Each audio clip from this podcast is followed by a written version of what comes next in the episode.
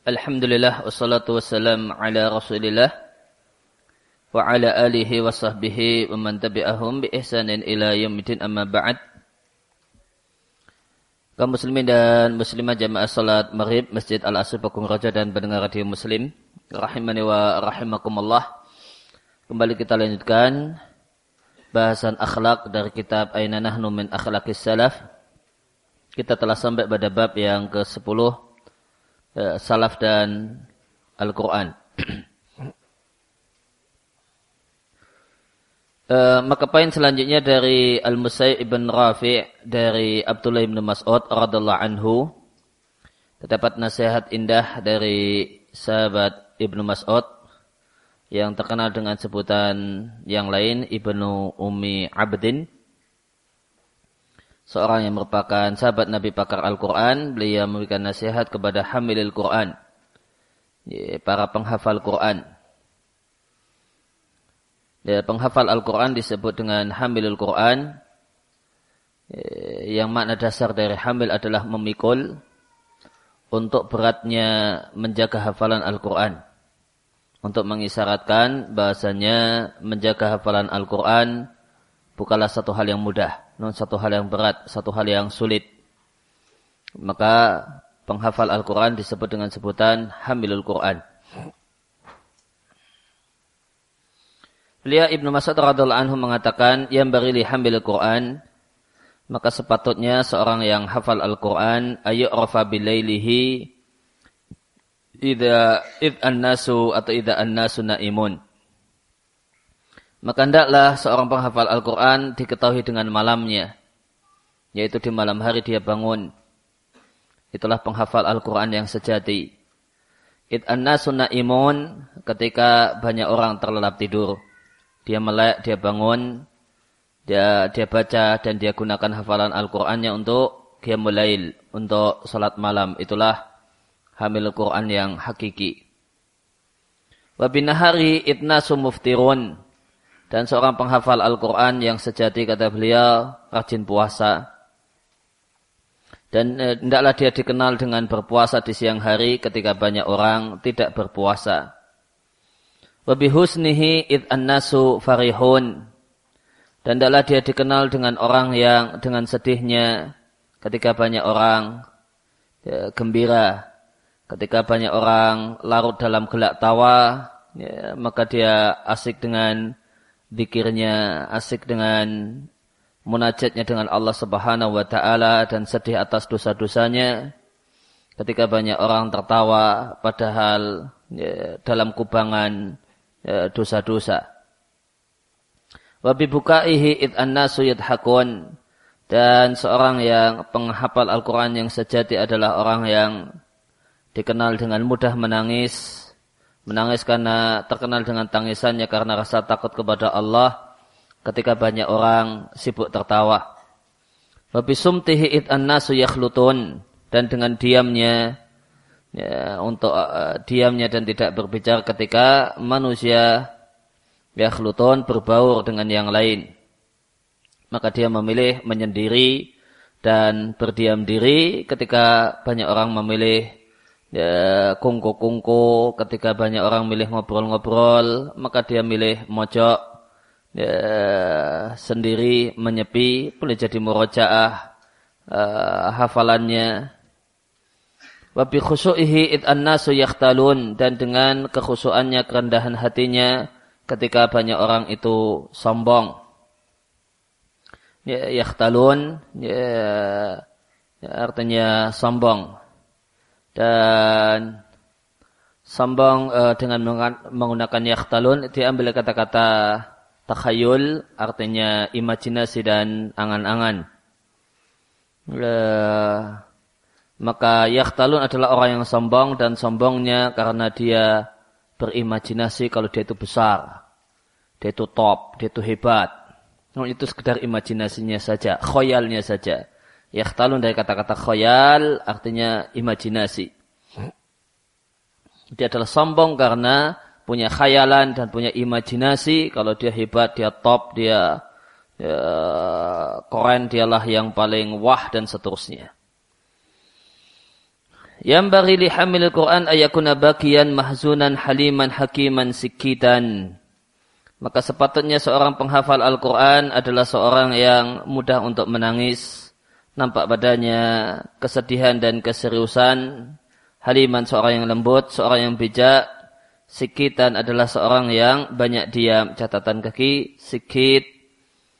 Sinnya di kasrah, kafnya di tasjid. Artinya kathirus sukuti, eh, banyak diam. Dan tidaklah sepatutnya seorang penghafal Al-Quran ayakuna jafian, seorang yang tidak punya adab. Seorang yang kurang ajar, tidak punya sopan santun, tidak punya unggah-ungguh, tidak punya adab. Walau ghafilan bukan pula seorang yang lalai. Eh, lalai dari mengingat Allah subhanahu wa ta'ala. Walau sakhaban bukan pula orang yang suka teriak-teriak. Catatan kaki sakhaban atau sakhaban pakai sot sama saja bimaknan wahid. Itu asiyah teriak-teriak, saat itu sawat dengan suara yang keras. Wala soyahan sama maknanya.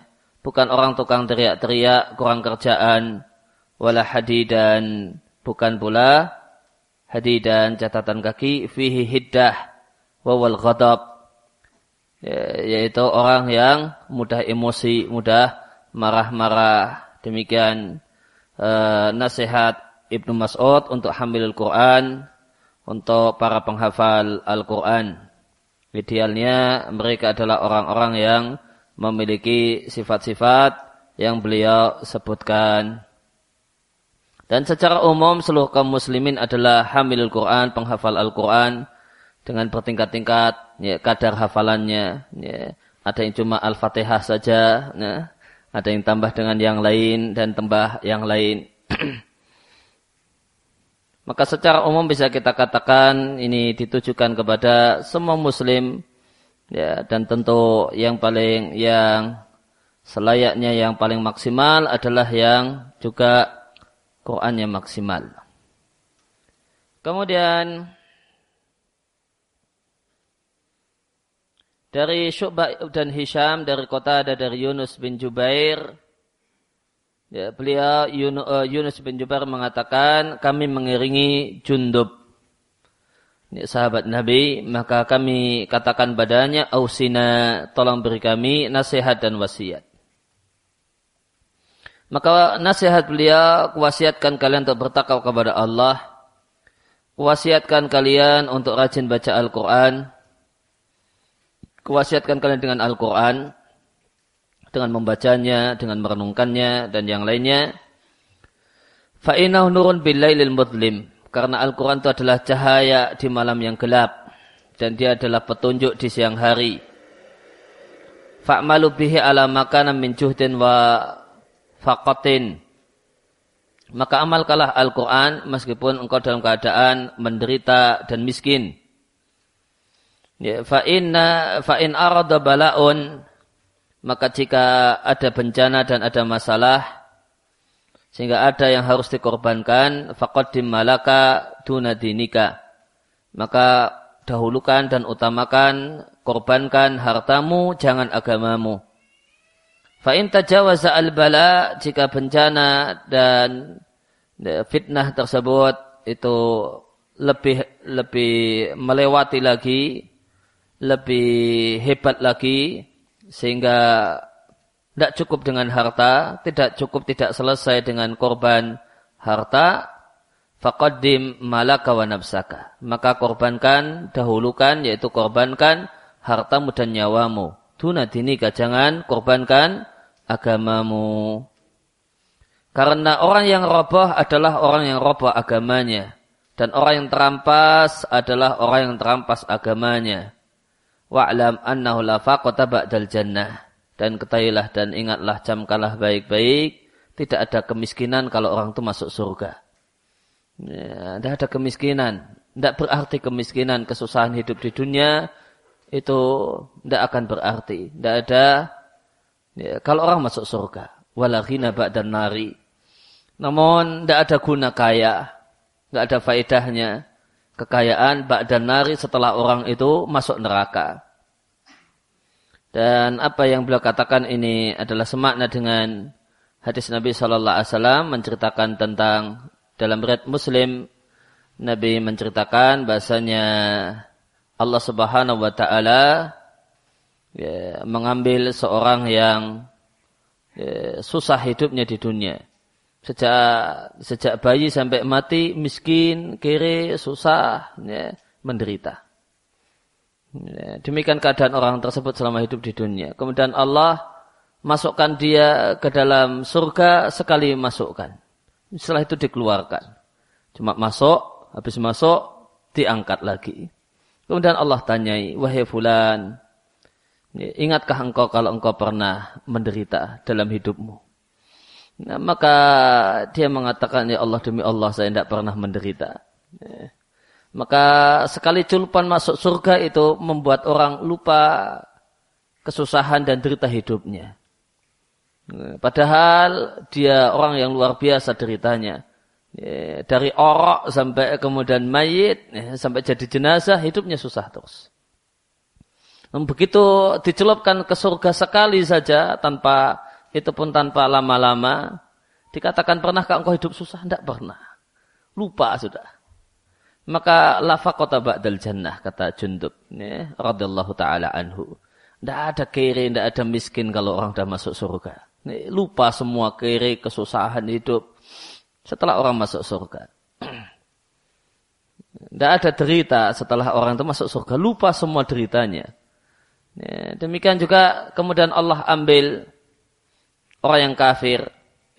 Yang dia adalah orang yang berkelimang kemewahan hidup, kesenangan duniawi dari lahir sampai matinya. Tidak pernah menderita. Hidupnya cuma isinya senang saja, berkelimang harta. Tidak pernah miskin, tidak pernah kiri, tidak pernah punya utang dan yang lainnya. Kemudian Allah masukkan ke dalam neraka satu kali celupan saja. Setelah itu Allah keluarkan, kemudian Allah tanyai, wahai fulan, apakah engkau ingat kalau pernah hidup senang dan penuh dengan kenikmatan? Maka orang tersebut mengatakan, wallahi ya Allah, seumur hidup saya belum pernah uh, tidak belum pernah uh, uh, belum pernah senang, belum pernah kemudian berada dalam kenikmatan. Lupa semua kenikmatan kemewahan hidup yang dia rasakan. Padahal dia rasakannya sejak dia orok. Sejak dia bayi, cenger sampai matinya. Dia dalam kemewahan, dalam kesenangan. Begitu masuk neraka, sekali celup saja. Lupa sudah semua kenikmatan duniawi yang pernah dia rasakan. Oleh karena itu Jundub mengatakan walarina ba'dan nar. Dan tidak ada kekayaan. Ya tidak ada guna kekayaan dan tidak akan teringat kekayaan bak nar setelah orang itu masuk neraka. Dan itu tidak cukup, tidak perlu lama-lama, cukup sesaat saja.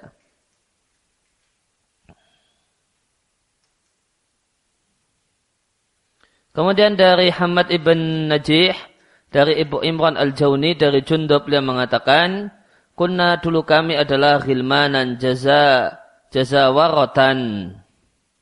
Kami adalah anak-anak kecil hampir balik. Catatan kali nomor tujuh. Jazawarotan jama' dari jazawar. Dan dia adalah al-hulam anak-anak ketika koroba al-buluro. Hampir balik.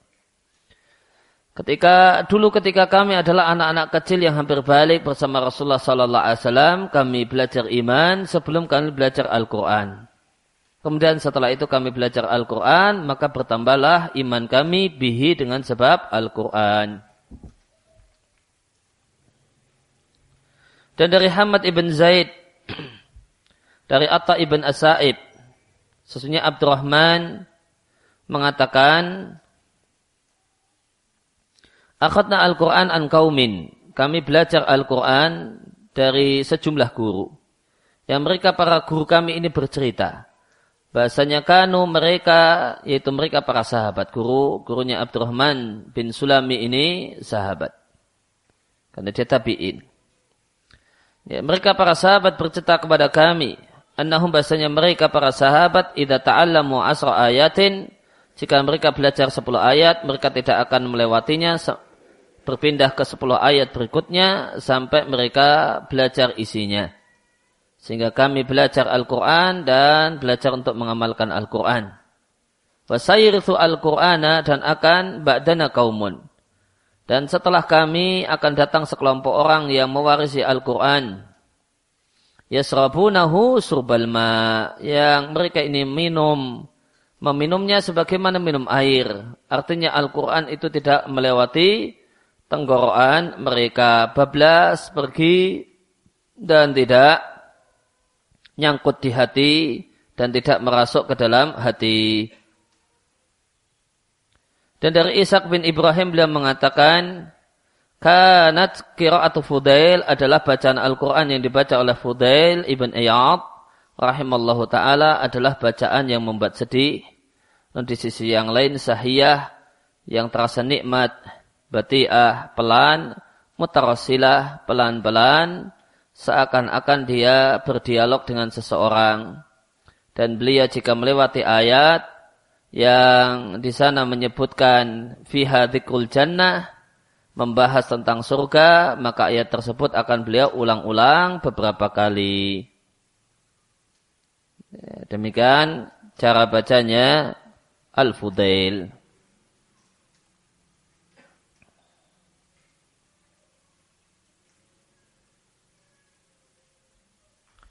Kemudian kita masuk pada bab selanjutnya bab yang ke-11 salaf dan uh, fikul istihad fil ibadah, kecerdasan ya, dalam beribadah uh, kecerdasan dalam sungguh-sungguh dalam beribadah kepada Allah Subhanahu wa taala.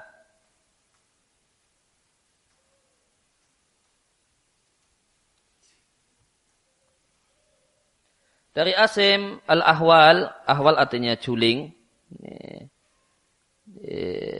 Beliau disebut demikian berarti karena matanya juling.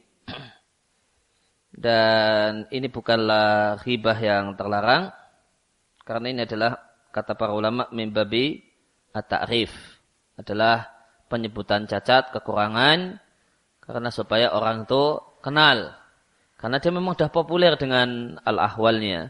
Nanti kalau cuma disebut asim, maka nanti banyak, terlalu banyak uh, pilihannya sehingga tidak diketahui bahasa asim yang mana yang diinginkan. Dari Asim al-Ahwal dari Abu Uthman an-Nahdi. Beliau mengatakan Ra'aitu Abu Dharin yamidu ala rahilatihi. Rahilah adalah onta yang bisa digunakan untuk perjalanan jauh, untuk safar. Karena tidak semua onta itu punya kelayakan untuk diajak jalan jauh. Ya, onta-onta jenis tertentu. Maka dia eh, Ya, di antara makna yami itu artinya tamayalu, mencondongkan.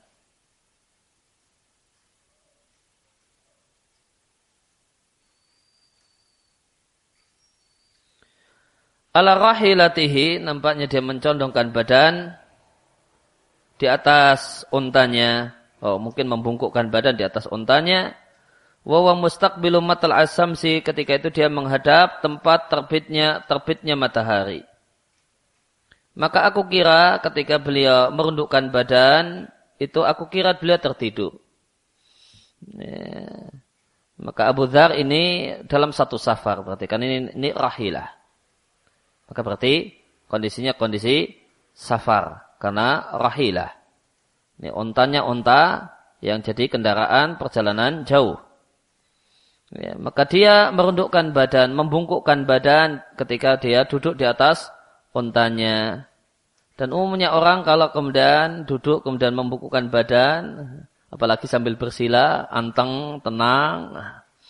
Nah, maka don kuatnya, nah ini tidur asik. Nah, ini, ya, lihat saja kalau pas khutbah Jumat, gitu. Nah, kalau ada yang demikian, merunduk, anteng, tenang. Nah, itu bukan karena khidmat mendengarkan, namun karena lelap dalam mimpinya. Nah.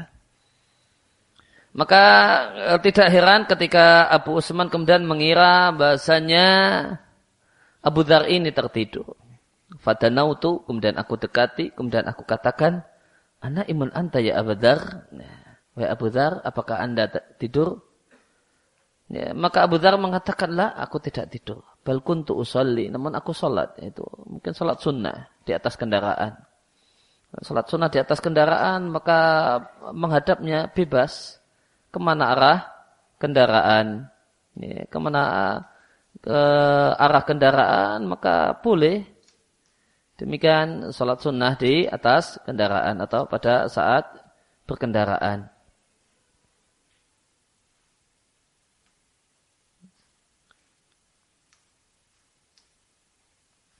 Ya, maka kita lihat di sini beliau e, di antara mungkin pelajaran dari tentang fikul istihad, tentang fikihnya, tentang ilmunya, maka beliau tidaklah kemudian jika perlu mengatakan saya sholat, ya nggak perlu tahafut, nggak perlu kemudian menghindar e, e, dengan alasan takut ria atau yang lain. Ya Ketika memang itu sholat dan itulah keadaannya dan itu apa adanya, ya, maka dengan jawaban datar tanpa maksud membanggakan diri dan sebagainya, ya, maka boleh-boleh saja. Kuntu usolli. Bal kuntu usolli. Tadi aku sholat. Tidak pernah kemudian mengatakan, insya Allah tadi saya sholat. Nah, beliau nggak mengatakan demikian. Ya, beliau tidak mengatakan, insya Allah tadi saya sholat. Enggak. Beliau mengatakan, bal kuntu usolli. Tadi aku sholat. Gitu saja tanpa insya Allah. Nah. Wakila lil ahnaf, ada orang yang berkata kepada ahnaf, inna kakabirun, sesungguhnya anda sudah tua. Dan puasa itu akan melemahkan fisik anda. Ya, maka tolong jangan rajin-rajin puasa, kata orang ini memberikan nasihat. Maka jawaban al-ahnaf katakan, ini u'idtuhu li safarin tawili. Sungguh aku menyiapkan ya, puasa tersebut untuk safar yang jauh lebih panjang. Itu safar untuk menghadap Allah Subhanahu wa taala.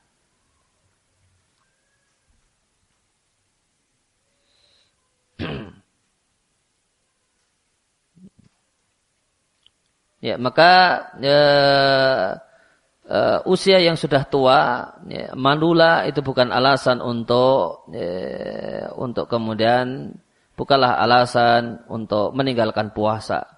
Beliau katakan, ya, ya meskipun ada orang ngasih nasihat dari sisi kesehatan, namun beliau kemudian bersekiras dengan hal tersebut, ini kuperlukan untuk bekal perjalanan yang panjang.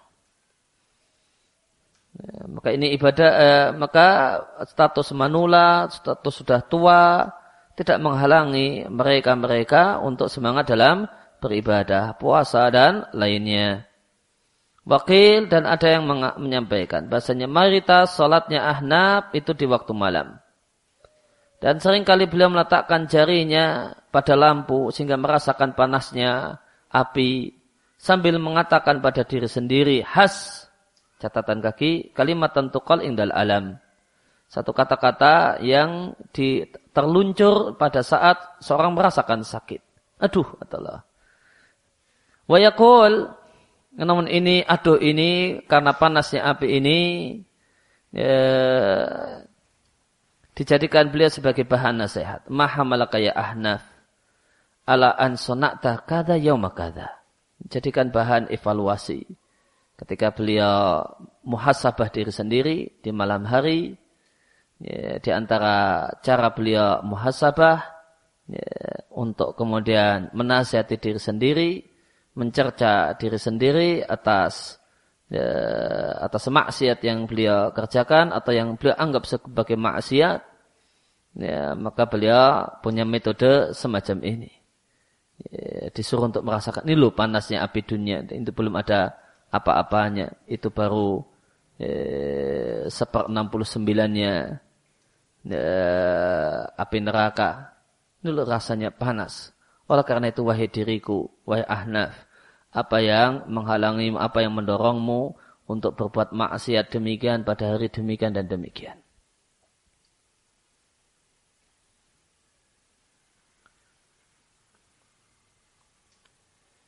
Kemudian dari uh, dari Sa'id al-Juriri dari Abu Ala dari seseorang dia mengatakan orang tersebut aku mendatangi seorang sahabat Nabi Tamim Ad-Dari. Fahadasna lalu kami ngobrol. Fakultu aku katakan ya, kepada beliau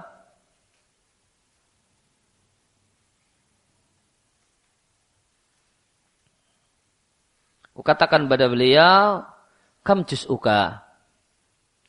Ya, kam juz'uka. Wahai ya, Tamim Ad-Dari, ya, berapa juz al, dari Al-Quran yang kau baca setiap malamnya? Ya. Qal, maka Tamim Ad-Dari mengatakan, la'allaka minal ladina yakra, yakra'u ahadum al-Qur'ana summa yusbihu fayaqulu qad qara'tul Qur'ana fi hadil lailah. Ya, maka Tamim Adari memberikan nasihat kayak kayaknya kamu ini termasuk orang-orang yang salah satu mereka artinya mereka-mereka ini baca Al-Qur'an semalaman. Baca Al-Qur'an sekali khatam dalam semalam. Suma yusbih kemudian ketika pagi tiba maka kemudian dia obral ya, dia dia ceritakan kalau dia telah khatam Al-Quran semalam. Fayaqul kemudian dia katakan, Qad qara'tul Qur'ana fi hadil laylah. Aku telah khatamkan Al-Quran semalam ini. Maka Tamim Adari rahimallahu ta'ala mengatakan, dan ada sahabat Nabi yang dulunya Nasrani, Sahabat Tamim Adari radallahu ta'ala anhu ini mengatakan, Walladhi nafsi biyadihi. Demi Allah, zat yang jiwaku ada di tangannya. Sungguh aku Salat tiga rakaat, salat sunnah. Ya, itu lebih aku sukai daripada aku khatam Al-Quran dalam semalam. Kemudian ketika pagi tiba, kemudian aku cerita ke mana-mana. Ya, kemudian setelah pagi tiba aku cerita. Artinya aku berbangga-bangga dengan amal. Ya, aku menyombongkan diri dengan amal, pamer dengan amal yang telah sum, uh, pamer dengan amal yang telah dilakukan. Dan ini sum'ah. Beramal sendiri kemudian cerita kepada banyak orang. Falamma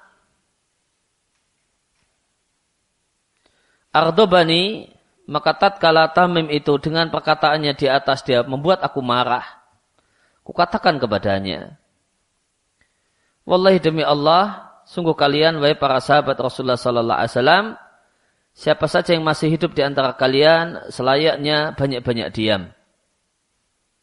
Fala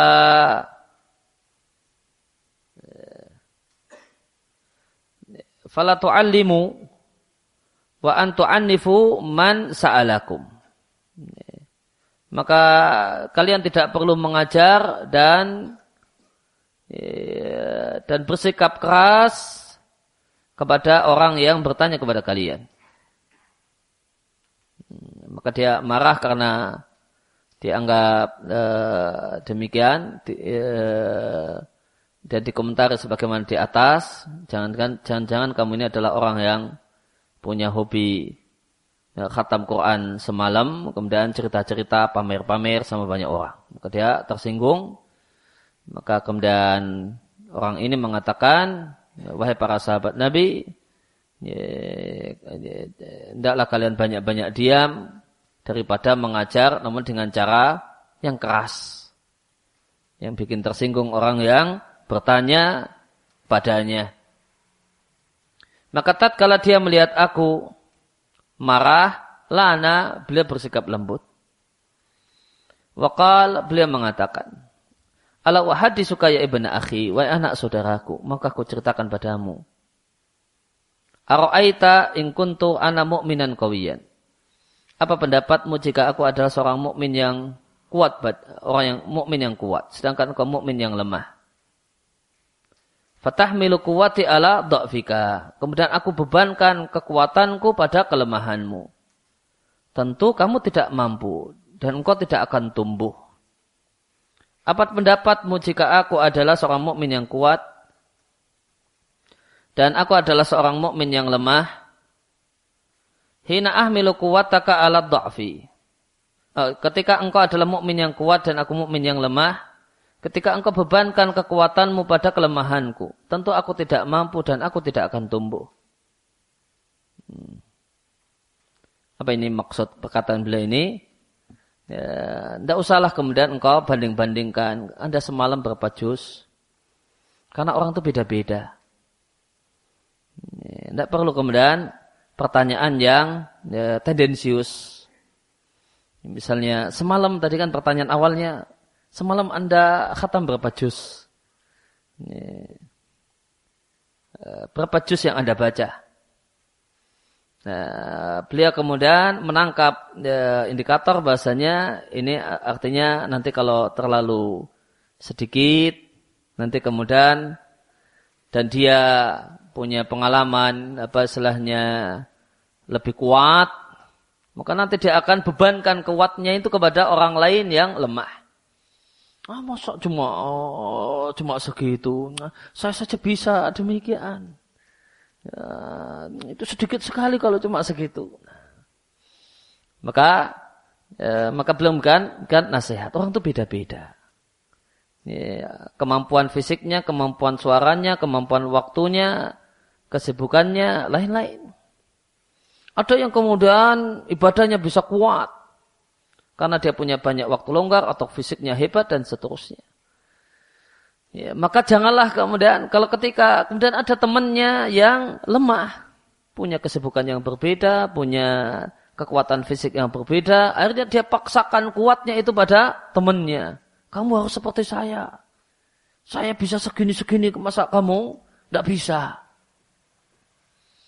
Maka apa yang terjadi kalau dibebankan pada orang lain? Maka beliau katakan, nggak kuat. Maka dia akan tidak akan tumbuh, dia tidak akan berhasil.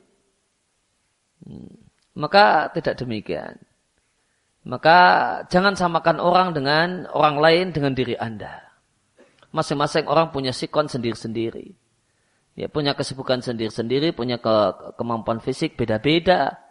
Ya, jangan kemudian memaksakan kekuatan Anda harus kemudian dilakukan kepada dilakukan oleh orang lain. Jangan paksakan, uh, jangan uh, paksakan orang lain agar berbuat seperti apa yang anda lakukan. Jangan demikian, bukan demikian sikap bijak. Namun sikap bijak yang benar, manajemen beribadah, fikih dalam beribadah, dalam sungguh-sungguh dalam beribadah, maka sungguh-sungguh beribadah ada fikihnya, ada normanya, ada kaedahnya. Kaedahnya, lakin khut min nafsika litinika. Namun, ambillah sebagian dari tenagamu, sebagian dari waktumu, sebagian dari fisikmu, lidinika untuk agamamu. Untuk sholat, untuk baca Quran, untuk berpikir, dan seterusnya. Wamin dinika linafsika. Dan sebagian dari dari agamamu itu engkau bisa kurangi untuk kemudian kepentingan fisikmu. Ya, dan sebagian dari agamamu yaitu ibadahmu bisa engkau kurangi. Ya, itu untuk kepentingan fisikmu. Hatta yastaqim malakal al-amru. Sehingga semuanya berjalan dengan proporsional.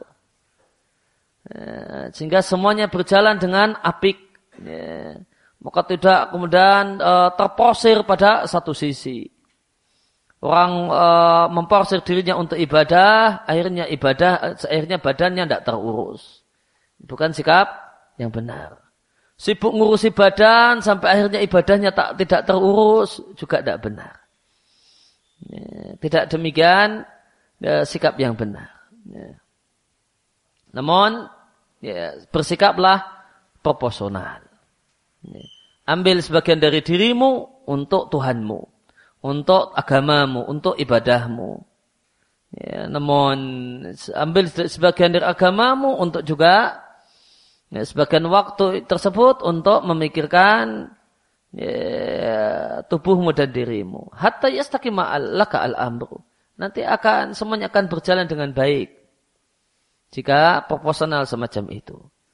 Ya, ala ibadatin tutiquha Semuanya akan berjalan dengan baik untuk melakukan ibadah yang engkau mampu untuk mengerjakannya. Kemudian di antara uh, perkataan Ad-Dahabi ya, dalam komentar beliau untuk Abdullah bin Amr ibn Al-As yang telah lewat dalam kesungguhannya ya, yang telah kita baca ketika berkenaan dengan baca Al-Quran maka kelanjutannya adalah sebagai berikut. Wakadhalika demikian juga Nabi Shallallahu Alaihi Wasallam bersabda kepada Abdullah bin Amr bin Al As tentang masalah puasa. Nabi katakan sejak awal puasalah tiga hari saja dalam sebulan. Itu yang pertama kali Nabi sampaikan. Pertama kali yang Nabi sampaikan. ya, wa mazala yunaqisuhu. Namun terus menerus Abdullah bin Amr ibn Al-As itu meminta kelonggaran, meminta kemurahan, meminta untuk dikurangi. Dikurangi di sini dalam artian ya ditambah jadinya. Hatta qala lahu sampai akhirnya Nabi mengatakan sum yauman wa aftir yauman. Kalau engkau memang betul-betul semangat untuk beribadah, puasa sehari dan tidak puasa sehari. Itulah puasanya saudaraku Dawud alaihi salam.